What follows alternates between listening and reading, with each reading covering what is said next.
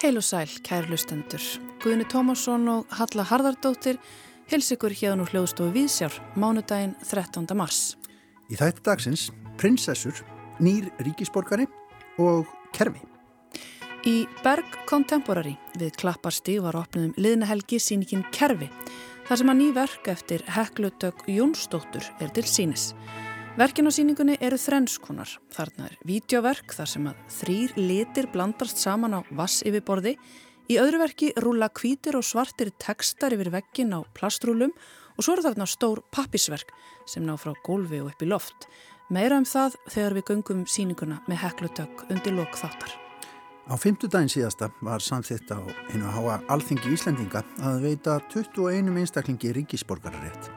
Aðegli vakti að meðal þeirra er bandaríska listakonan Róni Horn sem að sannarlega má setja í flokk svo kallara Íslandsvina eftir árarlaung tengslennan við land og þjóð.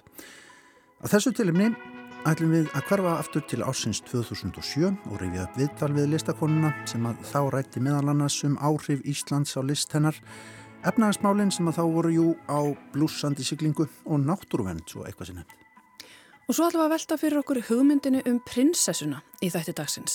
Fyrir hvað stendur þessu hugmynd í menningu okkar í dag?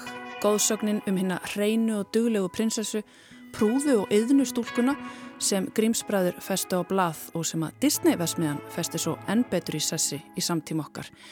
Hún lifir enn góðu lífi, en af hverju? Austuríska Nobelskáldið Elfríde Jelinek tekst á við þessar spurningar í prinsessuleikunum, verkið sem að borgarleikusið frumsinir um næstu helgi í leikstjórn Unu Þorleifsdóttur. Þegar Mjallkvít og Þyrnurós eru vaktar til lífsins með kossi prinsana, horast þær í augu við menn sem að þær eiga að elska til æviloka, en hverjar eru þær án þessara manna? Og hvað er það sem að gera Jackie Onassis að prinsessu? Una Þorleifsdóttir, leikstjóri, leit við í hljóðstofu í morgun.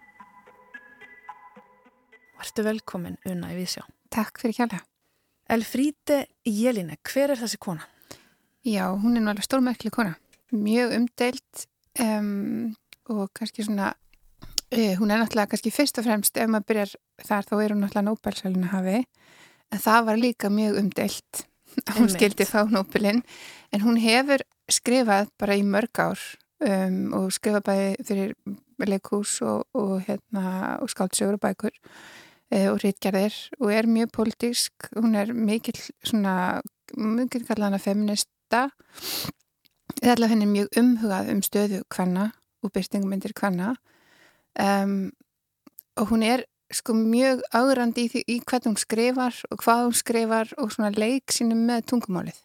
Ummitt, eins og segir hún Nobelskáld, mikilsvirt Nobelskáld en samt ekki endilega elskuð af öllum í heimalandinu sínu, Östuríki Nei, af því hún er mjög gaggrinnin og mjög, þú veist, hún er mjög gaggrinin á svona á pólitík og stjórnmál og á svona samfélagsgerð og hugmyndir kannski erfitt að, það er mjög erfitt að setja hana niður í eitthvað svona flokk en hún er almennt bara á móti mm.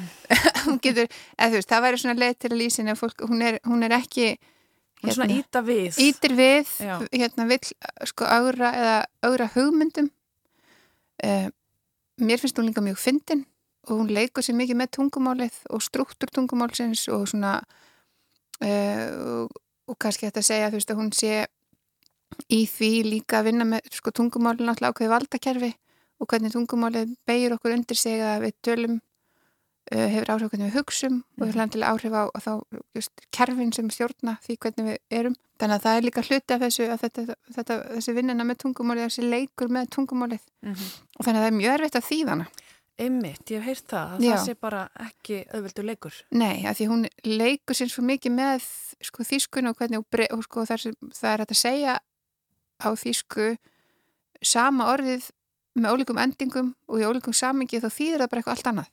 Þannig að þú getur, þú veist sem er, við búum kannski ekki jafn mikið við á íslensku.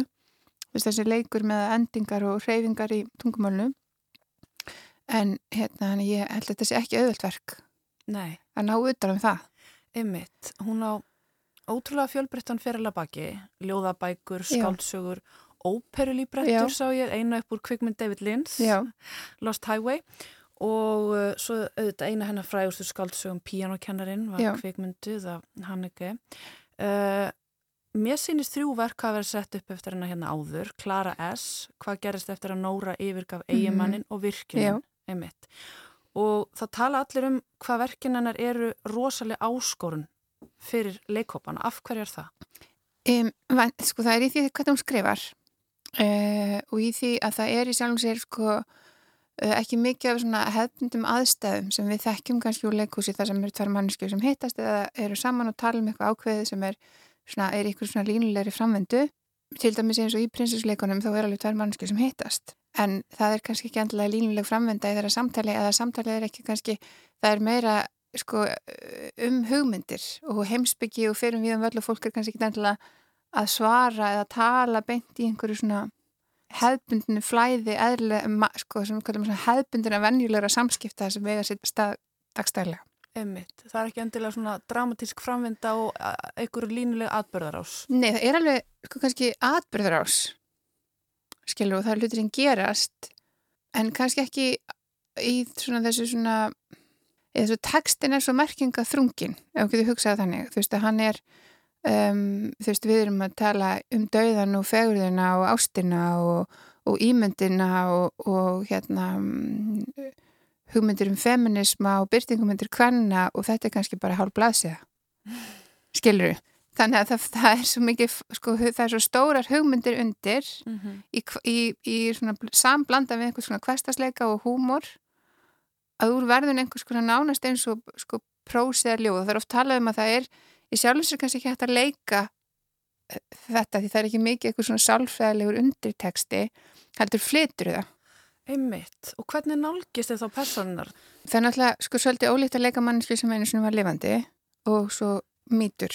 Og það er líka kannski og það er líka eðlismunir á tekstunum þar að því að, að því að Solveig sem er að leika Jackie er náttúrulega að tala um hluti sem raunverulega áttur sér stað um, á meðan Eh, Birgitta og Vala eru að leika þyrnir og svo mjölkvíti sem eru meira einhvers konar hugmyndir um einhverja byrtingamyndir eða hugmyndir um, hugmyndir um ást og fegur og, og hvað er að vera kona eða prinsessa og svona. Þannig að það er kannski svolítið svona annað sem maður er að vinna með þú veist, öðruvísi nálgun í því, sko. Einmitt. En svona það sem mér finnst hún jælin ykkur að gera og mér finnst áhugavert er þessi leikur með sviðsetninguna sko að þú hugsaður um prinsessu, hugmyndir okkar í samfélaginu um prinsessu, þá er það hugmyndum eitthvað svona sviðsetningu og kvenleika og við annarkvört göngum upp, göngust upp í því eða við stafsetnum okkur á móti því og viljum ekki vera prinsessur eða við viljum vera prinsessur. Og svo má alveg spyrja sig hvort að ekki allir vilji vera prinsessur og allir, skilur, þetta er alls svona hana. en það er þessi sviðsetning með það, þú veist, hvernig, hvernig er, hvað er prinsessa, hvernig hagur hún sér? Hvernig er maður ekki prinsessa og hvað gerist þegar maður hættir að haga sér hættir að hlýða, hættir að vera eða hættir að beigja þessu undir hugmyndina mm -hmm. þú veist, þegar maður fyrir að hérna, ef mjölkvít hlýðir ekki hvað hva verður þá um mjölkvíti? Emitt Sko, hún er auðvitað sækjaðan í mýtur sem að sköpuðist á tímum romantíkurinnar þetta liggur rosalega djúft Já og, og hefur gegnsýrt bara okkar samfélag Já. síðan mikil er ábyrð grímsbræðra. Já, mjög. og ekki bara eitthvað konum, alveg líka eitthvað sko, kallmennum og hugsa bara um mm -hmm. prinsinn. Þú veist, hvað er að vera prins og vera prinsinn á hvita hestinum og, og vera alvitur og bjargandi konum hægri vinstri og vera alltaf, sko, og sama með veiðmann sem er líka eitthvað hugmyndum, eitthvað svona kallmennsku eða eitthvað svona, sko, þú veist, það er alveg, þetta er ekki bara fyrir konur, sko, þótt að það sé eitthvað svona fókusin. Nei, ég ætla að mynda að spyrja það sko, kannski er það fókusin þegar hún skrifar það en ég menna við hefum náttúrulega átt í alls konar samtali síðan þetta verk var skrifað já. Og maður velti fyrir sér, er, er prinsinn ekki alveg mikil klísja? Hann er það náttúrulega já, já. og alveg, sko, alveg mikil klísja um hugmyndina um, um, sko, um menn sem gera konur að viðfangi Heimitt. og sjálfans, miðja sko, sjálfan sig og jæðra aðra sem viðfang veist, þannig að það er alveg og hérna, það er nokkuð um hrútskeringar Hérna áður við fyrum aðeins meira ofan í það hérna hvað þýði að vera prinsess í dag þá langum með að þú kannski segi hlustundum aðeins frá því hvernig verkið er og hvernig það er byggt upp. Já, þetta er rauninni í þrem þáttum e, er sem að hérna, við erum með þátt mjölkvitar og svo er þáttur þyrnirúsar og svo er það Jackie Kennedy.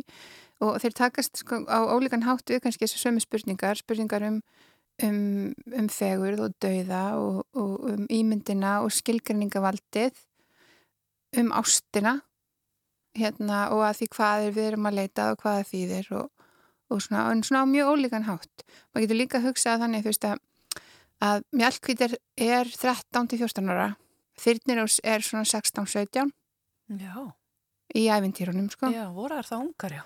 Já, sko, meiri sé að hérna ef ég mann rétt þá í Disney þá er þyrnirós 16 en prinsin er 31. Hmm, ok. Þannig að það er í rauninni, þú getur alveg hugsað um að þetta er einhvers konar, og það er, nú getur við talað um einhvers konar hérna, lestur og grímsæfindýrum og hugmyndir um, Mm -hmm. þú veist, af hverju fara prinsessur, af hverju sofa þær í ár, af hverju þær eru vaktar til lífsins, af hverju þurfa þær að fara inn í eitthvað svona liminal rými, það sem Mhm. að ásist að einhver umbreyting og þegar þær vakna til lífsins aftur þá er það rótnar konur. Mjallkvít fyrir til dvergana til að læra að verða kona, taka til, þrýfa, hugsa um, svo kemur prinsinn. Þyrnir á sefur í hundra ár og vaknar svo og fyrir og sem þá kannski mál spyrja sér vaknar þá eitthvað svona kynnkvöt eða hvað er það sem vaknar þegar Mhm. prinsinn kemur og svo er, svo er með Jackie getur maður spyrja sér hvað gerist svo þegar þú er komin í kastalan Mm Og ert á lífi. og ert á lífi og svo deyr maðurinn svo Einmitt. deyr prinsinn sá sem skilgranninleg einmitt. skilur þið, sem gefur þér gefur hlutverkið þínu merkingu Mhm, einmitt. Þær væru rauninu ekki til, væri ekki fyrir prinsana. þá væri það ekki til, nei Og hvað gerist ef að prinsinn fer út af myndinni? Hver er, hverjar eru þar þá? hver er það þá, hva, hva, hvað er það hva, hvernig sko og getur, sko, hver er þessi leikur þú veist, þegar maður fer inn, inn í hann sko, hver, hvaða leikur er þetta þessi, þessi hugmynd um hlutverkið sko Einmitt. En Jelenik, lítur hún á prinsessur þá fyrst og fremst sem fornalömp eða hvað? Nei, sko um. Nei og já hennar feminism er kannski flóknar eins og að það sé eitthvað, eitthvað svart hvitt sko. Mm. þú veist, þær eru bæði fórnalömbu og gerendur þær eru þáttagundur í eigin byrstingamynd Mhm. náttúrulega og leika sko, þannig að hún er meira kannski svona að velta því upp sko, en hún er líka náttúrulega velta því upp þú veist að, að hérna, þessi svona hugmyndum um hvernlega frásögn að getu hvernig til að skilgrana sér sjálfar og, og það er megi að segja sína sögu sjálfar. Mm sko, sko æfintýrin er náttúrulega aldrei sögð frá sjónunhóli hóli prinsessuna í rauninni. Þær eru alltaf sagðar utanfrá. Við vitum ekkert hvernig þeim líður eða hvað þeir eru að koma eða hvað þeir eru að gangi í gegnum eða þær eiga sér ekki sjálf í rauninni sko. Líf þeirra endar með kossi. Einmitt. Sem skilgrinni þeir svo Mm þú veist. Hún er kannski að eitthvað leita að fjalla um erfileika konunar við að vera bara hún sjálf og, og, komast undan þessum klísjum. já, í rauninni sko. Á því í þessu sammingi má líka alveg spyrja sér sko, hvað er, hvaðan kemur til dæmis hugmyndir okkar um, um kynkvöld eða, eða byrtingamyndir hennar í okkar persónulega lífi líka, þú veist, hvað, það er alveg að blærið hegðun í þessu sammingi eins og hvað annað sko, Einmitt. þannig hún er að spyrja alls konar spurningar í svona þarna, eitthvað stær Já, einmitt. er það það sem að kalla þeir postdramatíst leikús? Já, ég myndi segja það Mm þú veist, það er alveg stendur í, hérna í handritinu bara þessi tekstir ekki hugsa þetta sviðsetningar en mér er eiginlega alveg saman hvað ég gerið og svo vil ég gera þetta en ég veit að ég eftir að gera eitthvað allt annað og skilur Er þetta ekki skemmtilegt verk fyrir því að takast á við? Þetta er mjög skemmtilegt, er mikil áskorun að finna leiðina að því að gera það áhugavert og, og draga fram sko húmórin að því mér finnst það að vera fyndið. Uh, að því það, þetta er fyndið úsorglegt og, og, og allt á sama tíma sko. Um, og þannig að svo, svona, og svona baráttan við sko textan kannski að, að þetta er svona eins og bara svona flóð af orðum um, á tímum sko. Uh, en að halda því lifandi, þú veist, það er náttúrulega áskorun og finna út í hvaða leið maður ætlar að fara og hvernig maður dregur fram þá merkingu sem að manni finnst kannski mikilvægast. Mm Af hverju var ákveð að setja þetta verk upp núna? Áttu Í- þú ekki þátt í því? Jú, við, sko, ég og Brynildur vorum okkur langa að finna verk fyrir konur sem var, hérna, var með stór og sterk kvæmlutverk um, og þau eru nú ekki mörg svona almennt þessum, hérna og svo fórum við að skoða þetta og mér finnst, okkur fannst þetta báða mjög áhugaverð og mér finnst þetta bara mjög áhugaverð sko stúdía og svona eiginlega hugleðing um bara stöðu kvanna, eða kvannleikan og prinsessuna og hérna uh, og kannski miklu meira eitthvað svona hugleðing heldur en eitthvað svona svör sko. Einmitt. Ég var mikið að velta þessu fyrir mér í gerðkvöldi þegar ég var að skoða hann höfund og á sama tíma voru hérna var að verða að undirbúa Óskarinn og Já. þessum fjölmiðlum heims. Já, og það er nú aldrei stunið á okkur myndir þaðan Já, í morgun. Og það er náttúrulega bara vel á lífi þessi mýta en það þar. Já, hún er það náttúrulega, þú getur séð hana allstaðar, sko, þú veist, það er ekki bara uh, Kim og Kanye eða Megan og Harry, veist, það eru, við, það er alveg að líta alls konar áhrifavalda eða, veist, þessi hugmyndum hvað prinsessan stendur fyrir sem er eitthvað svona hlýðinni, eitthvað svona, sko, fegur, hugmyndum fegur og hlýðinni og hreinleika uh, og vera ósnertanleg um, og taka ekki mikið plás vera almennt svona mm -hmm. freka góð og, og svona það er eitthvað sem við erum alveg dugleg og, og, dugleg, þrifin, þrifin halda fínt heimili sko, og það má alveg spurja sig bara eins og þess að hugmyndum sko, nútíma konuna sem á bæði að vera allt þetta mm -hmm. En líka allt hitt sko í sama tíma, maður ámar ekki helst að vera í tveim vinnum og meistarinn ámið með fimm börn. Jú, það er aldrei þannig. Já, og líka halda fullkom heimili og og mæta á allar, allar, allar keppnisleiki og, og tónleika. Einmitt. Hvenar er hún að skrifa þetta? E, mér minnir þessi 2012, ég er svo lélim með svona ártölu svona, Já. mér minnir þessi 2012 sem þetta skrifa. Það hljómar allavega svona mjög körjand allt saman. Já, og þetta er náttúrulega, sko, maður lík, sko, eins og bara, þú veist, ég mann hvar ég var þegar Diana Prinsessa dó. Einmitt, af því að það er einmitt síðastu hluti verksins. Já, það er síðastu hluti verksins sem við setjum ekki upp, sko, þetta er rauninni fimm þættir en við veljum bara þrjá. Er eiginlega sex held ég, þessi prólóg hana nei, svona, þetta er ekki epilóg hérna. Sem er með díana og þú mannst hvar þú varst. Ég mann hvar ég var, þú veist þannig að þessi hugmynd um prinsessuna er náttúrulega líka bara í okkar lífi eitthvað með nú margar að sko bara þess að ég voru að tala um Kim áðan mm -hmm. Kardashian eh, og núna Megan þú veist það er einhver svona bara þú bersamann hugmyndir okkar um Megan og hugmyndir okkar um, um, um Kate sem er gift heinum bróðunum skiluru eða um hvað hvað hva, hva standa þær fyrir, hvað ólíku þætti standa þær fyrir og hvernig ganga þær, af hverju er ítla komið fram við aðra en ekki hýna, hvaða hugmyndir er það sem eru ríkjandi þá í þeirri umræðu. Um, Megan hefur verið aðeins líðnari?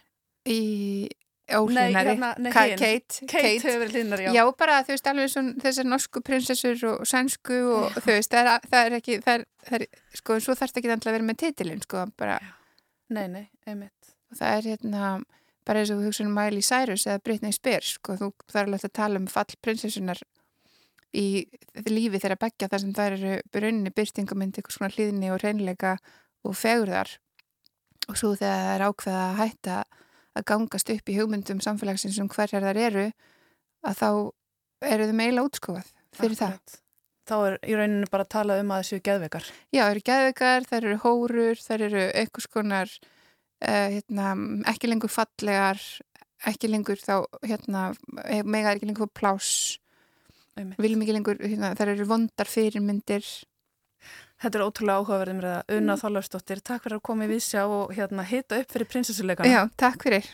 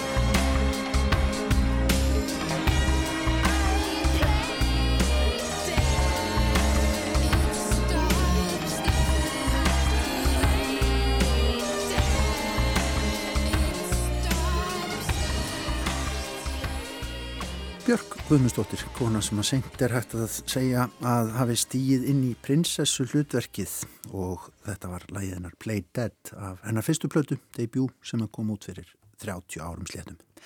Já, og talandum prinsessur á Óskarsvelununum, þá var Björk sennilega í einum eftirminnilegasta og kannski óprinsessulegasta kjól sögunar árið 2001, Svanakjólnum eftir Marjan Pejovski. Sitt síndist hverjum um þennan kjól sem að síðan þá prýðir nær alla lista yfir eftirminnilegustu kjóla rauða dreilsins. Það má kannski segja svanurinn sé romantískur fuggl með einhverjar prinsessu vísanir en kjólavalið sjálft var ekki beint í takt við þinna hlýðnu prinsessu. Þetta lag kom hér á eftir samtali við Unu Þorleifsdóttur leikstjóra um prinsessuleikana verk eftir Nobelskaldið Elfríde Jelinek sem fremsýnd verður í borgarleikusinu um næstu helgi. En þá að öðru. Já, á fymtudaginu var samþitt á Alþingi að veita 21 einstaklingi íslenskan ríkisborgarrétt. Aðtikli vakti að meðal þeirra er bandaríska myndlistakonan Ronny Horn sem að sannarlega má setja í flokk svo kallara Íslandsvinna eftir áralöng tengsl við land og þjóð. Róni sem að fættir árið 1955 er heimstækt fyrir list sína en hún kom fyrst til Íslands árið 1975 þá 19 ára gömul. Hún er komið reglulega síðan og dvalist hér langtvölum en engum verið búsett og starfað í New York. Ísland hefur orðið Róni mikill innblástur í fjölmörgum verka og hér hafa verið haldna síningar með verkum hennar. Stærsta verkunar er síðan að finna í Stikisholmi vatnasafnið. Í tilefni að veitingu ríkisborgara réttsins skulum við hverfa aftur til ásins 2007 þegar Guðni tók listakonuna tali í tengslu við síningu í síningaríminu Annari Hæð sem að Pétur Arason stóðað. Bandariska myndlistakonan Ronny Horn getur með sanni talist góður Íslandsvinnur því allt frá því að hún var í framhaldsmyndlistarnámi við Yale Háskóla í Bandaríkunum um miðjan 8. áratvíin hefur hún vanið komur sínar hingað til lands og sótt sér innblástur og efni við í verk sín í náttúru Íslands og reyndar menningu og mannlíf líka. Nú er svo komið að hún kemur hingað ofta á árið til dvalar á hér fjöldavina og kunningja um allt land og lítur á Íslandst landslag sem framlengingu af vinnustofu sinni sem er á Manhattan eigu í New York. Ronny Horn hefur ljósmyndað náttúru Íslands, byggingarlandsins og Íslendinga sjálfa í um 20 ár. Í bókverkum sínum sem fara víða hefur hún einni tekist á við Ísland. Ronny Horn fættist í New York 24. september 1955 og á ferlu sínum hefur hún unnið skúltúra, bókverk og teikningar en þekktust er hún fyrir ljósmyndir sínar. Ronny Horn telst meðal virtustu listamanna samtímans og á morgun verður opnuð í sapni við laugaveg síning á verkum hennar sem ber heitið Some Photos og eru öll verkin í eigu saps, alls um 20 verk sínd á þremur hæðum. Mikil meiri hluti verkana á síningunni eru ljósmyndir og eru þær flest allar teknar á Íslandi. Sapneignin spannar árabilið frá 1985 til 2004. Það er ekki síst veður og vatn sem heillar Ronny Horn og því lág beinast við að spyrja hana þegar við sjá leit við í sapni fyrir í dag hvort að Ísland væri ekki einn fullkomni áfangastæður í því ljósi. Jú, segir hún, í því ljósi er Ísland miðjan í mínum heimi. Yeah, it's definitely the center of the world that way. Uh, and it's interesting, I would also include women, water, weather, women. And by that, very much the opposite of the Quentin Tarantino mentality, which is more like um, the, extraordinary resource that women are here in their independence, which I think, frankly, a lot of it comes through the weather. You know, it, it, it, everyone here knows they have to take care of themselves ultimately in a very from a very early age, and it's not gender based. So, and I'm very uh, aware of that here, um, and I think that in in that sense, the politics of gender here is is much. Róni Horn bætir konum við veðrið og vatnið sem heitli hana mest við Ísland fyrir utan íslenska náttúru í heildöðu þetta. Hún talar um water, weather, women og leggur áherslu á að hún hugsi um íslensku konuna og annan hátt en landi hennar Quentin Tarantino. Veðrið hefur haft áhrif á þessa þjóð, segir hún, og það sýnir sig ekki síst í sjálfstæði íslensku konunar. Þetta gerir það verkum að kynjapólitík hér á landi er mun lengra komin enn í bandaríkjunum. Hún er upplýstari og Róni Horn bæti því við að eftir því sem áhrif bandarískrar menningar verða meiri hér á landi, þeim mun minni verður sérstaða þjóðarinnar og íslenskrar menningar. Við þetta missir Ísland sjarman hvað mig varðar, segir hún og bætir við að uppalega hafi, hafi það verið veðrið sem hafi mest áhrif á hana ódreiknanleiki þess og ofbeldi og svo auðvita byrtan, tær og hrein sem auðvita allir hrífast af. En hvernig hefur Ísland breyst í hugalistakonunar frá því að hún kom hingað fyrst 1975? There are a lot of ways for me to look at it. One is that it actually be, has become a place that's more familiar uh, than, than when I initially started coming. And by that I mean that not that I've become more familiar with it, but it, Ísland hefur orðið kunnulegra en það var þegar ég kom hinga fyrst og ekki bara vegna þess að ég hef kynst í betur, segir Orni Horn. Heimurinn hefur minkað með alþjóðavæðingunni, mingun mannana er sameinleg, upplýsingar ferðast auðveldar á milli landa. Eigin sem slík, hugmyndinum eiguna, er ekki til lengur nema landfræðilega og að nafninu til. Island community, I'd say that's probably the biggest shift is that the island is obsolete. It, it's a form that no longer really exists uh, except in a, in a geographic sense, which is nominal. Önnur stór breyting, segir Ronny Horn, er vitanlega efnahárin sem margir förða sig á og ég meðal annara. Tölurnar virðast ekki ganga upp og enginn virðist vita hvaðan fjármagnið kemur. And then of course the growing of of the economy, which has taken off in, in a, perhaps a questionable way, since nobody seems to understand where all the money comes from mm-hmm. in Iceland. Uh, uh, and I certainly have been watching and kind of trying to figure it out, and not the numbers don't seem to add up. But uh, so that kind of world class economy, those numbers change everything. They change the scale of event. They change um, social expectation. They change um, the texture of life. Vöxtur hagkerfisins hefur auðvitað breytt miklu á Íslandi og breytt heildar ásýnd landsins og menningarinnar, segir Ronny Horn. En á áttunda áratugnum var Ísland eins langt frá New York og ég gætt mögulega komist og það var það sem heilaði mig. Ronny Horn hefur verið ötul við að tjá sig um umhverfismála á Íslandi og berjast gegn áformum um fyrirhugaðar virkjanaframkvæmdir. Á stórtónleikum sem hættahópurinn stóð fyrir í lögadashöll fyrir skemstu voru ljósmyndir Ronny Horn síndar á skjá á milli atriða. Hún hefur einnig skrifað um náttúru Íslands og vendun hennar á síðum morgumblaðsins. Hún álítur sig vera hluta þeirra umræðu á Íslandi en ekki endilega í gegnum verksín. Yes, very much so, but not through the work. It's um, I have um, worked, uh, written articles for the newspaper here, uh, speaking as a what I think of myself as a permanent tourist.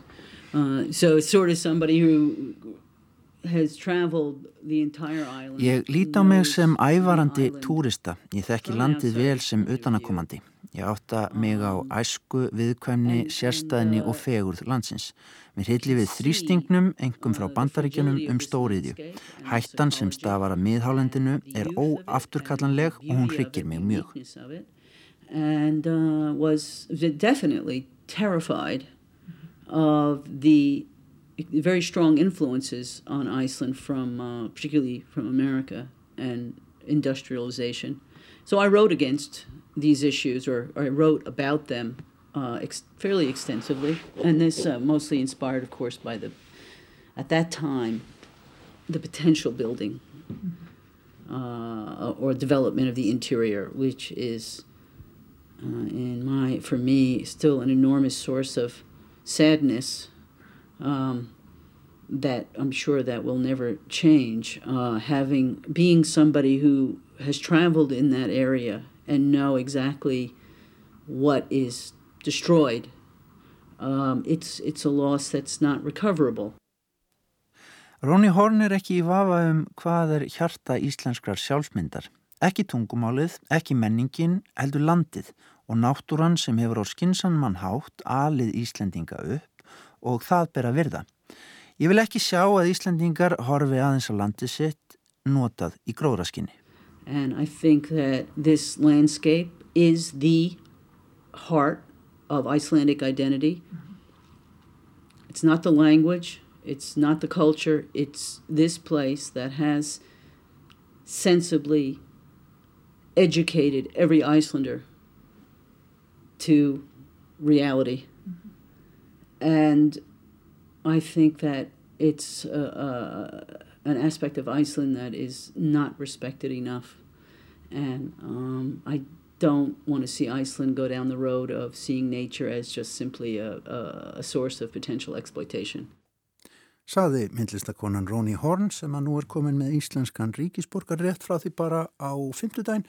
Þetta var viðtal sem ég tók við hana 2007, röttin eitthvað aðeins svona herra í tóni heyrismanni. Já, þetta er svona örlítið yngriðarna 2007. Pínlítið. Já.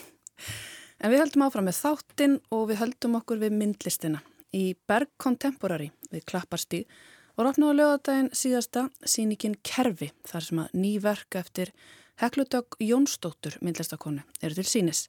Verkin á síningunni eru þrenskonar, þarna er vídeoverk þar sem að þrýr litir blandast saman á torkinlegu vasseyfuborði Í öðru verki rúla kvítur og svartir tekstar yfir veggina á plastrúlum, mikla einbendingu þar til að lesa þá og svo eru þarna stór og fyrirferða mikil pappisverk, gríðarlega litrík, stórar arkir bómullapappir sem ná frá gólfi upp í loft og litaðar er í laug og þar sem að litinni mætast eftir ákveðnu kerfi en blandast ekki. Guðni fór á lögadag í Berg Contemporary og hitti listakonuna rétt áður en að opnunagestir mættu á svæðið. Hekla Dögg gera trublaði bara rétt fyrir opnun hinn í Berg Contemporary. Uh, þú ert að hugsa um kerfi. Hvaða kerfi? Já, síningin heiti kerfi og það náttúrulega vísar í þessi kerfi sem ég er að nota eða bý til en kannski vísar það líka bara í öll kerfi og kannski hérna í þessu tilfelli er ég að vinna með lítakerfi sem eru velþægt í prentiðina til dæmis sem er þetta SMIC sem við kallum eða CMYK og í sem sagt uh, vörpun og sjónvarpi þá er það RGB og hérna Brauður, græn og blár. Já, og fyrir mér þú veist ég áttaði alltaf inn á að þetta er mjög nördalegt sko. það er mjög erfitt að tala um þetta að vera skemmtilegur þegar maður fer eitthvað en já, svo að það gerast svo leiðis rauður og blár, verður fjólublár. Þetta er alltaf þetta er enginn spekki sem slík en, fyrir mér var þetta eitthvað svona svolítið töfrandi að horfa á þetta saman og átta á annað anna kalla á íslensku hérna, já, frádrækt sem er þá CMYK eða smikk og við, viðlægt sem er þá RGB, RGB og hérna það ólíka við þau eru að þetta frádræga að það byrjar í kvítu sem er kvítustregi eða kvítblað sem núlpont og ef þú blandar litunum saman þá endar það á svörtu. Þannig og í raun og veru þrý litirnir í því sem er, þetta er nú byrjaði nördaskapin sko, sem er gulur hérna bleik, ég veit ekki vínröður eða hvað sem þetta kalla magenta og hérna grænblár, magenta og gulur eiga eiginlega verða svona í teóriu svartur. En svo er bætuð svartum á til að spara líka og líka kannski til að gera það alveg svartan, ekki bara dökkan. Og á sama hátt er það með RGB að þá þú ert með rauðan, grænan og bláan það byrjar sem sagt á núlbúndi svörtum en þegar þú blandaði saman það verður kvíkt og mér fannst þetta bara strax smaka töfrandi og líka þetta sé eitthvað að bæta við og draga frá og að þetta fari svona í syngur áttina eitthvað neginn og líka þeir búa til hvort annað, þú veist. Hérna CMYK býr til RGB þegar þú blandar þeim saman og öfugt. Þannig að það, það er líka það að þetta er eiginlega sama, sama þú færð sömu litina út en, en einhvern veginn á annan máta eða eitthvað svo leiðis Sama systemið en samt ekki. Já, eitthvað svona sem mér ástu eitthvað svo fallegt og hérna og einhvern veginn svona og í endanum já þetta verður svona, þetta er bara andstæður og hliðstæður á sama tíma sem er alltaf skemmtilegt. Og hérna svo vildi ég vinna þessa pappirsverk þetta er svona bara bómullar pappir svona stór í svona arkitektastærðum sem er líka kannski að blanda saman um, bæði það að vinna með handverk og kannski líka svona smá hobby handverk. Eða og svo er þetta líka eitthvað svona hefð eins og þú veist þetta var utanum bækur oft í gamla daga svona uh, þetta er eitthvað marmoring me, marmoring tækni til þess að venda bækurnar. Já, til að venda bækurnar eða inn í sörflöðunum, þú veist, þetta var svona eitthvað þetta minnir ég mitt á það, það var já. það sem ég var að hugsa um Já, já, já, já. það var kannski ekki alveg svona í þessu CMYK systemi þar, sko, það var annað, annað kerfi hjá þeim. En, en allavega að blanda því saman við líka svona vinnu eins og maður sé bara að smíða hús, eða þú veist, þetta er allt svona ég get ekki gert eitt svona renning einn til dæmis, ég þarf alltaf eitthvað með mér, þetta er bara of stort fyrir minn líkama að vinna með einn. En er þetta af því að við horfum á eitthvað sem að virkar á þessum pappir daldið handahófskent, það nánast eins og þetta sé sett bara einhvern veginn gegnum tölvu, þetta er allt handgert? Já, þetta er allt handgert og þetta er hérna bara notuð þessi tækni, þessi marmorering tækni, marbelling tekník að hérna sem að er bara, þú velur litina og setur það á, á flót sem sagt og svo ertu með svona, svona og teina sem þú greiðir litina svona saman. Og það sem er líka áhugavert við þetta út að ég náttúrulega tala, hérna nota þess að CMYK sem er prenttækni og í prenttækni þá blandast litirnir hver yfir annan. En í þessu tilfelli þá mætast þeir bara og þeir blandast ekki onni í lauginni sko þannig að það er líka, þá er ég alltaf komið tvist á kerfið aftur, eða bý til eigi kerfi eða eitthvað svo leiðis og, og svo blandaði ég það meira þannig að ég fór úr fjórum litum yfir í sjö liti yfir í þrettán liti. Og ég hefði alveg gett að halda áfram og fengi alla brúnu litina og sem að vantar inn í sko, en þú getur í raun og verið búið til svona nánast allt já, litrófið. Þess vegna sér maður svona skalan hérna á milli pappirs strimlana sem eru nú ekki smá strimlar. Já, já, já, þannig að það er, þetta er náttúrulega lítur út fyrir að vera svona, kannski ekki svona uh, starfræðilegt, sko. Lítur út fyrir að vera einmitt random, en er það bara alls ekki. Já, já það, svo, er, svo er ég náttúrulega líka að vinna með það, að þú veist, ég stjórn þessu illa. Þetta, þetta lætur, þú veist, bæði lítirnir og vatnið og þetta er alltaf floti mm. og svo bara, þú veist, grípi þetta augnablík og þetta augnablík á sig sjálf líka, þannig að ég, ég get ekki alveg stjórnað sem er náttúrulega partur af þessu líka. Þetta er gert í laug og liturinn settur á í laug og það er einmitt, þá er kerfið þannig að þú ræður ekki við það, þú, það, læt, það lætur ekki undan stjórn. Já, akkurat, svo ertu náttúrulega bara með pappir, pappir er náttúrulega pappir og hann blotnar og reyfist og bygglast og þannig að þetta er svona líka svolítið svona stjórnlaust, þetta er svona á ákveðin móta sko. Er það ekki bara metafóra svona fyrir lífið? Maður reynir að búa sér til einhver, einhver kerfi í lífinu og, og svo, svo hérna, verður maður pínlítið að láta undan stjórn og, og bara láta sér fljóta? Jú, líka, jú, akkurat og líka maður þarf að spekulur í þessum kerfum sem að við lifum allir inn í, þú veist, við erum í alls konar kerfum og við erum alls ekki að spyrja okkur nógu oft byrju, er þetta kerfið sem ég ætti að vera að fara eftir? Ætti að hugsa eitthvað annar þannig að ég held kannski líka það sem að mér finnst, þú veist alltaf svolítið gaman að leika bara hugrænt við það, þá hugsun sko. Og svo fannst mér líka svo áhugavert að þetta verður svona svolítið eins og hvað maður að segja, munstrin eru svolítið svona fljótandi út af þetta eru, þetta eru þessi prent sem eru gerði í vatni.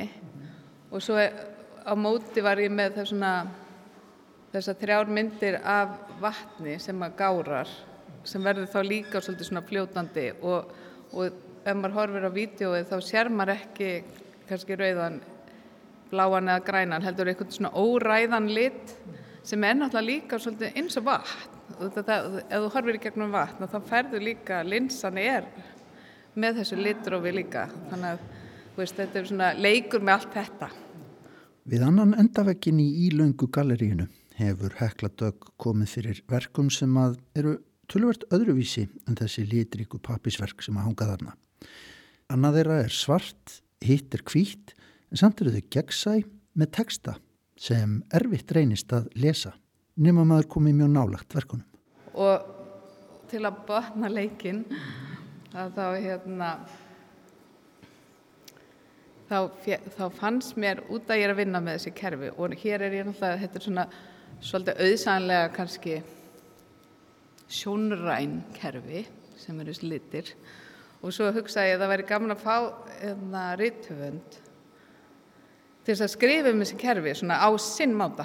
Algjörlega eigið höfundaverk en hérna og ég fekk með mér til leiðis hérna Ragnar Helga Ólafsson sem að skrifaði þessi sex sjónarhorn á svart og hvít og, og þau, þau, þau voru skrifið fyrir þessi verk sérstaklega sem eru hérna vegnum og annað verkið er svart eins og sést þarna og hittu hvít og það er aðeins ólíku textin sem eru þá kerfi 1 og kerfi 2 þannig að það er svona aðeins hérna breyting á því sko hver tekstin er. Og hérna og svo þegar maður fer og horfir á það þá er það líka sett á flót það er erfitt að lesa því þetta er á mótor. Þannig að það er líka það er kannski líka verið svona aðeins að spurja um þau kerfi sem eru til þarna líka bara kerfi orðsins eða kerfi hérna já, kannski kerfi orðsins og tungumálsins og... En tölum að þessum sko kerfi og listamenn bara að vera listamæður það er nöðsynlegt einhvern veginn af því að frelsið er svo mikið að svo, þú getur gert í rauninni bara það sem að hugurinn gyrnist já. en þeir búa sér oft til ramma myndlistamenn til þess að vinna innan ekki satt? Vegna þess að Jú. einhvern veginn annars kemur ekki fókus í hugsunna uh, Jú, svo líka kannski, þú veist, ég oft, hef eitthvað mann sagt að það er ekkert mála búið til fallega hluti allan daginn, sko, en ef maður ætlar að gera listaverk, þá þarf maður að fá ástæðu fyrir því að gera hlut, hvað sem það er, hvort sem maður fallegur að ljótur. Og hérna, og svo ástæða er, er hérna, kannski það sem er uppspretta listarinnar og þá þarf þetta að búið til kerfi til þess að halda utanum ástæðuna. Því að þú veist, ef þú ætlar að hafa ástæðuna án þess að mengana því að það er svo auðvelt að hlaupa eftir álitni annara eða þú veist, ef þú ætlar að halda ástæðinni hreitni og terri, þá þarf maður að búa til ramma utanum það eða nota ákveði kerfi, held ég. En svo þarf maður líka geta einhvern veginn slakað á innan kerfana sem maður smíða sér. Já, svo er það það. Og, svo, og það er náttúrulega það sem ég er svolítið að leika með hér, þú veist, bæði að vera með kerfi um, tungumálsins en svo ertu með líka listamann sem er að gera, þetta er svona, þú veist, þetta eru erindi ljóð eða þú veist, þetta er, þetta er huglægt. Og, þannig, og allt hér inni verður huglægt eitthvað starf á móti hennu hérna kerfislega.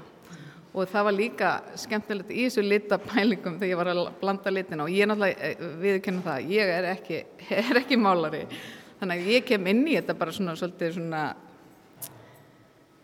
eins og ég sé að fara í skóaferð í fyrsta skipti. En bara wow, hvað, hvað gerist nú? Þannig ég blandaði allt svona svolítið starfræðilega til þess að hérna, fara eftir svona, svona grófum hérna, hugmyndum um hvernig ætti að blanda sagt, magenta og vinnröða og gulan og það ætti að verða rauður. En svo var það ekki alveg rauður og þá þurfti náttúrulega bara listamæðurinn að koma inn í og blanda næstu blöndu ekki starfræðilega heldur huglægt og sjónrænt og, og treyst á allt aðra allt aðra eh, já, forsendur. Og þannig að þetta blandast hér. Þú ert alltaf í þessum leik að nota eitthvað kerfi og fara eftir einhverju rannsókna eitthvað sem þú ert að gera. Og svo, svo notar líka bara það huglega og listræna uh, stefnu eða skoðun eða hugsun eða og, og, dve, og, dvelur, já, og dvelur aðeins svona einhvern veginn í augnablikinu, menna maður þarf að svona einhvern veginn að sleppa stundum takinu.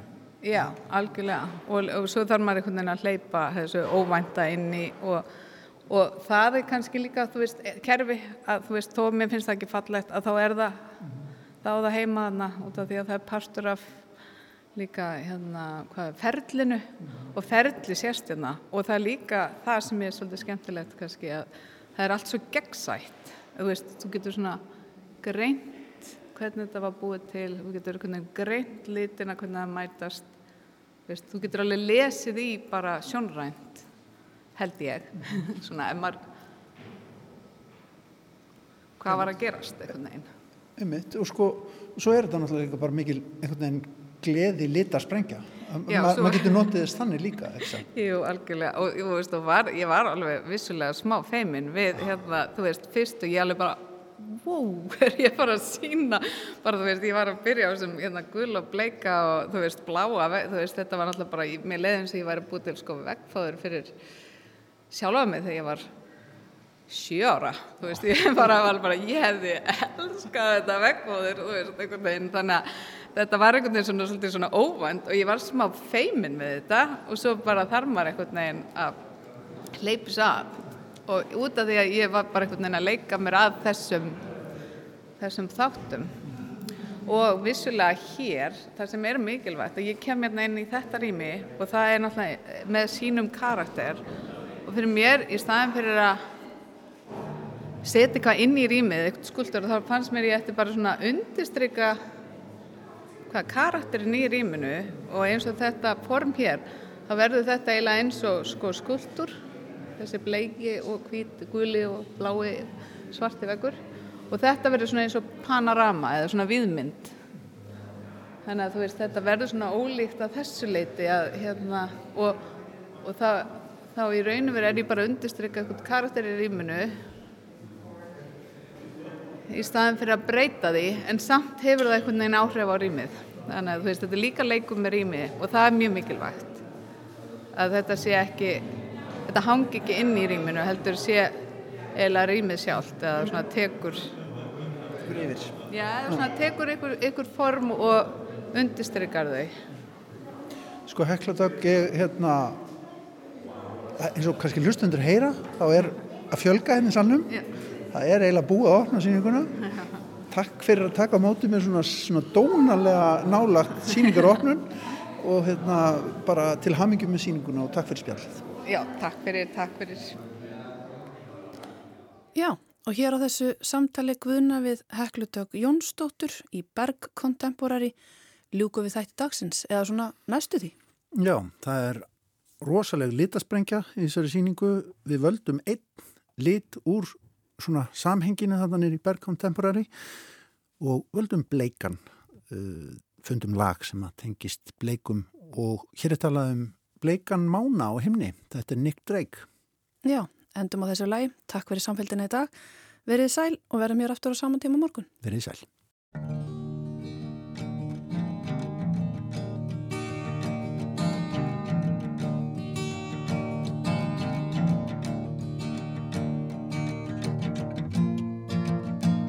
Saw it written and I saw it say